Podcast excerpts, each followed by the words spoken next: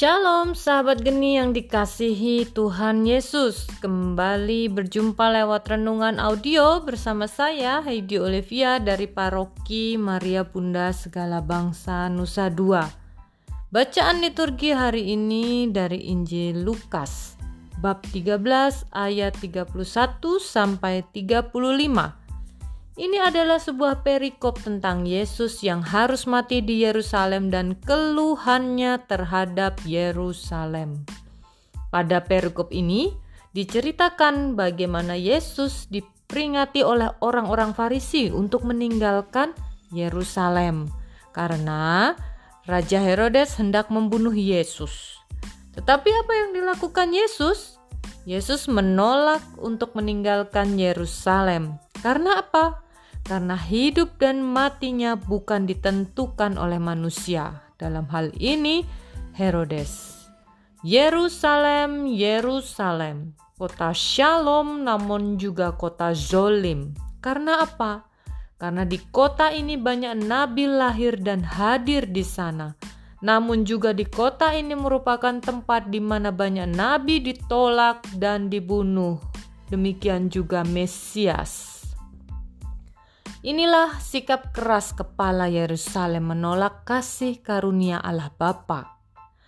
Pola pikir, pola asuh, dan cara hidup lama kita terkadang membentuk kita menjadi pribadi-pribadi yang keras, cuek, minder, mudah iri, pendendam, penakut, mudah putus asa, ataupun mudah lari dari tanggung jawab. Tetapi yang ditunjukkan Yesus melalui sikapnya hari ini, Yesus tidak takut lantas mundur, tetapi terus melangkah maju. Karena yang Yesus lakukan semata-mata tindakan kebaikan, yaitu membebaskan manusia dari jerat kuasa iblis dan penyakit. Yang dilakukan hanya hal-hal yang baik, maka seharusnya demikian kita sebagai pengikut Kristus juga tidak perlu takut jika ada ancaman-ancaman yang mengancam kita pada saat kita melakukan hal-hal yang baik, menebarkan kasih Kristus. Saya sendiri ikut menegur pada saat ada anak dari salah seorang tetangga kami ingin berdemo dan merusak kota karena protesnya terhadap undang-undang Omnibus Law. Yang saya lakukan adalah memberitahu, menegur dia bahwa protes dengan merusak atau menebarkan teror itu hal yang buruk. Saya mencoba untuk menjelaskan sedikit yang saya ketahui berdasarkan sumber-sumber yang terpercaya tentang apa itu Undang-Undang Omnibus Law.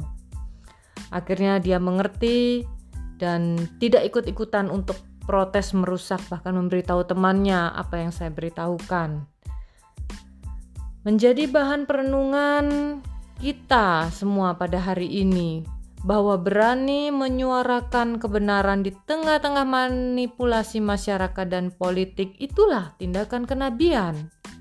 Ketika kita memperjuangkan keadilan dan menjadi orang jujur, maka itulah berarti kita telah menjadi saksi-saksi Kristus. Semoga kita sebagai murid dapat memuridkan banyak orang untuk menerima kasih Yesus dan siap sekaligus berani menjadi nabi-nabi di zaman milenial ini. Yesus Kristus memberkati. Amin.